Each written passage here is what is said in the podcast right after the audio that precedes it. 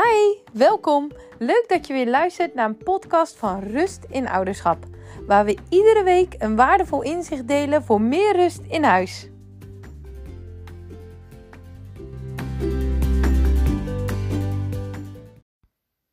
Leuk dat je weer luistert naar deze nieuwe podcast.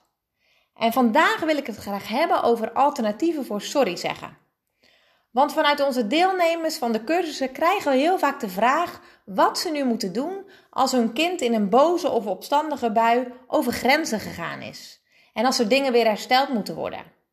En daarom wil ik het ook vandaag met je hebben over wat kan je nou verwachten van je kind als hij of zij in die boze bui bijvoorbeeld iets kapot heeft gemaakt, heel brutaal is geweest of misschien wel iemand anders pijn heeft gedaan. En wat wij in de cursussen altijd doen is eerst een stukje kennis en inzicht geven. Want wanneer jij meer inzicht hebt, dan weet je ook waardoor jouw kind zich gedraagt zoals het zich gedraagt. En dan weet je ook wat je kan verwachten van je kind.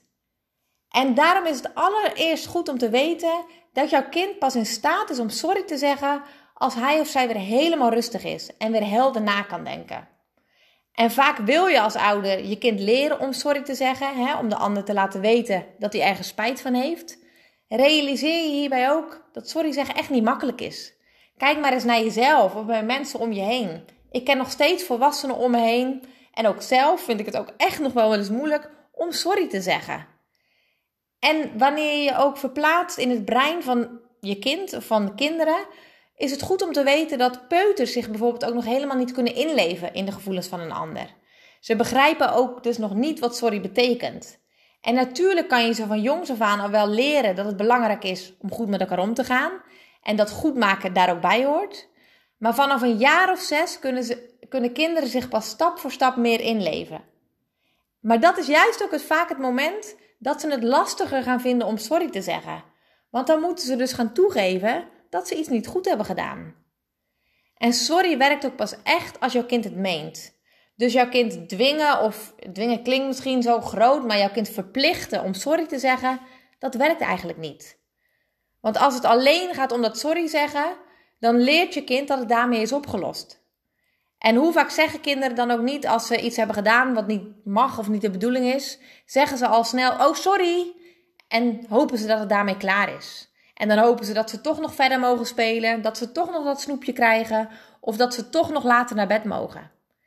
En wat je dan eigenlijk je kind aanleert, is dat ze sorry zeggen om van, maar van het gezeur af te zijn. Of misschien toch nog hun zin te krijgen. En je leert je kind dan eigenlijk indirect dat het werkt om niet eerlijk te zijn. Maar ja, hoe kan je het dan aanpakken? Want jij wil graag dat jouw kind verantwoordelijk neemt voor zijn of haar gedrag. Dat kan op verschillende manieren en ik ga een aantal stapjes met je doornemen. De eerste stap is dat je de emoties of de gevoelens van jouw kind erkent.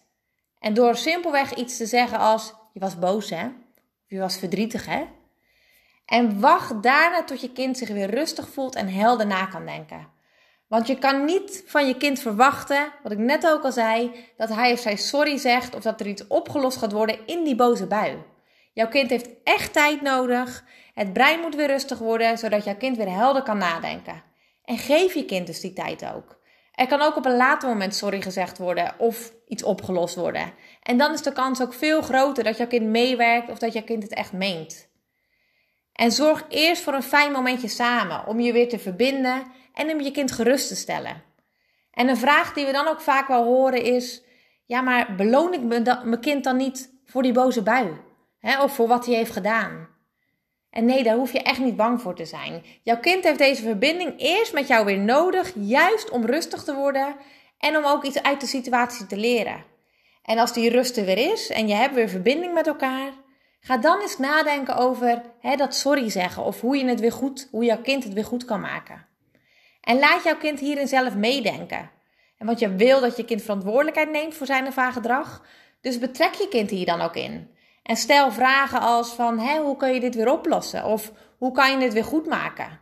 En jouw kind kan hier dus ook echt pas over nadenken als die emotie weer gezakt is. En soms vindt je kind het ook gewoonweg nog moeilijk om dan zelf iets te bedenken. En kom dan ook met ideeën. He, zoals als er iets kapot gemaakt is, ehm, stel voor dat je kind het in ieder geval weer opruimt. Of dat je kind een tekening maakt als die iemand anders misschien pijn of verdriet heeft gedaan. Een knuffel geven aan de ander of iets liefs doen voor de ander, zoals ergens mee helpen of uh, laten spelen met het speelgoed als jouw kind eerst niet uh, wilde delen of iets had afgepakt. En ondersteun je kind bij de oplossing om het goed te maken. Want jouw kind kan misschien al wel zelf een idee verzinnen, maar dan kan het nog wel zijn dat die uitvoering een stuk lastiger is. Dus help je kind daar ook bij. En natuurlijk, als jouw kind uit zichzelf sorry wil zeggen, natuurlijk hartstikke goed. Leer je kind hierbij wel dat het belangrijk is dat hij of zij het echt meent.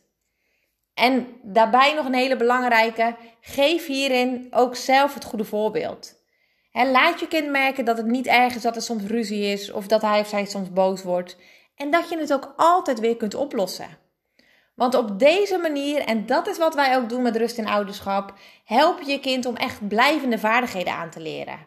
En in dit geval rekening houden met elkaar, ruzie oplossen, verantwoordelijkheid nemen voor eigen gedrag. En jouw kind kan deze ervaring weer meenemen naar een volgende situatie. Verwacht ook niet dat je kind het in de volgende situatie gelijk al uit zichzelf kan, maar je bent op deze manier wel jouw kind vaardigheden aan het aanleren voor nu en voor de rest van zijn leven. En dat is dus ook precies wat wij doen met onze deelnemers.